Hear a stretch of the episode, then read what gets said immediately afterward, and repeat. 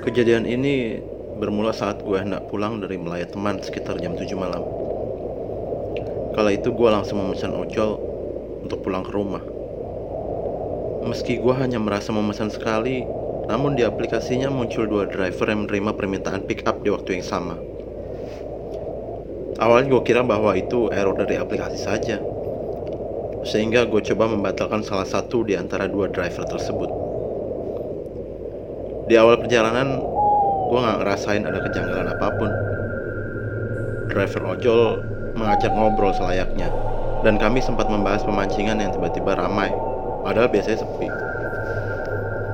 Perjalanan dari rumah teman ke rumah gue juga biasanya makan waktu 10 menit.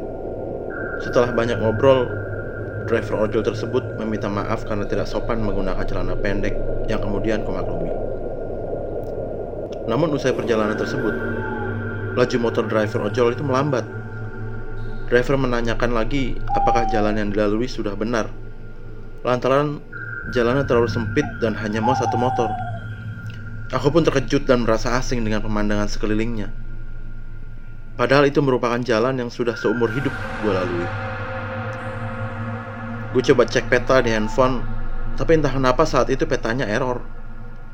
Saat membandingkan dengan peta driver, ternyata peta milik driver justru seperti diarahkan ke tempat yang berbeda.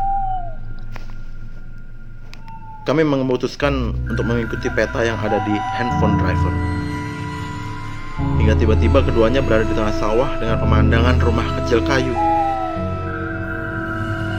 Tercium bau kemenyan, angin berhembus kencang sesaat dan mulai gerimis. Wajah driver ojol seketika pucat dan motor sempat mati sesaat. Dia mencoba starter kaki nggak nyala-nyala. Kak, kakinya geser dulu dong. Saya nggak bisa jalan nih. Minta tukang ojek. Kaki saya udah saya tekuk bang. Lah, ini ganjil apaan?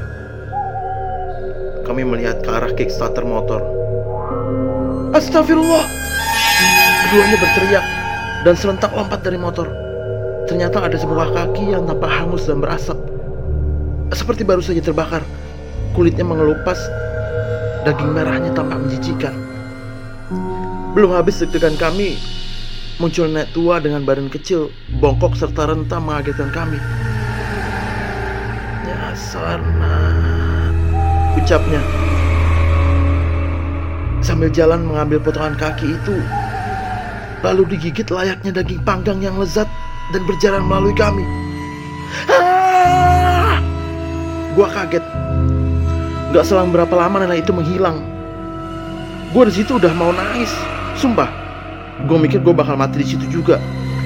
Driver ojol tersebut mempertanyakan keberadaan mereka padaku dengan suara yang bergetar, seperti mau menangis.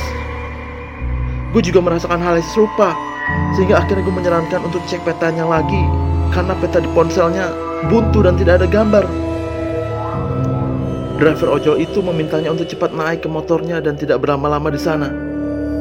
Ayo kak, cepat. Setelah kembali ke jalan sebelumnya, driver itu mengungkap ada dua sosok yang memperhatikan kita berdua. Gua seketika merinding dan langsung megang erat pundak tukang ojek. Keduanya sempat melalui jalan alternatif yang sempit dan hanya bisa dilalui pejalan kaki. Di sana driver ojol itu mengaku sempat melihat sosok yang besar dengan mata menyala merah. Gue menyempatkan untuk membuka ayat kursi melalui ponsel karena sudah sangat ketakutan. Keduanya memutuskan untuk melanjutkan perjalanan menggunakan peta driver ojol. Tapi di peta tersebut kembali diarahkan ke rumah kecil yang ada di dekat sawah sebelumnya. Meminta agar driver ojol tidak membawanya ke sana lagi. Driver ojol itu kemudian mengungkapkan rasa leganya karena gue ketakutan dan memang terbukti kalau gue manusia. Dari situ, keduanya mencoba semua jalan bercabang hingga akhirnya peta di ponsel benar dan muncul tujuannya. Kami pun tiba di tempat yang gue tahu jelas sebelumnya, yaitu di samping kuburan dekat sebuah lapangan yang dulu pernah menjadi tempat persami saat gue SD. Aku merasa heran karena seharusnya rute itu gue hafal. Tapi kenapa bisa tersesat tiba-tiba muncul di tempat itu ya? Meski gue sempet dikira hantu oleh driver ojol, tetapi kami lega saat sudah tiba di rumah. Kak, pengalaman ini kita aja yang tahu ya. Jangan cerita ke orang lain, karena kita bakal dibilang gila. Karena ini gila banget, pinta si driver. Perjalanan ke rumah yang biasanya ditempuh 10 menit saat itu memakan waktu hingga satu jam. Gue tahu daerah rumah gue emang sepi, tapi sumpah nggak ada sawah seluas itu dan jalanan sesempit itu. Nggak pernah ada satupun daerah tanpa rumah kayak gitu.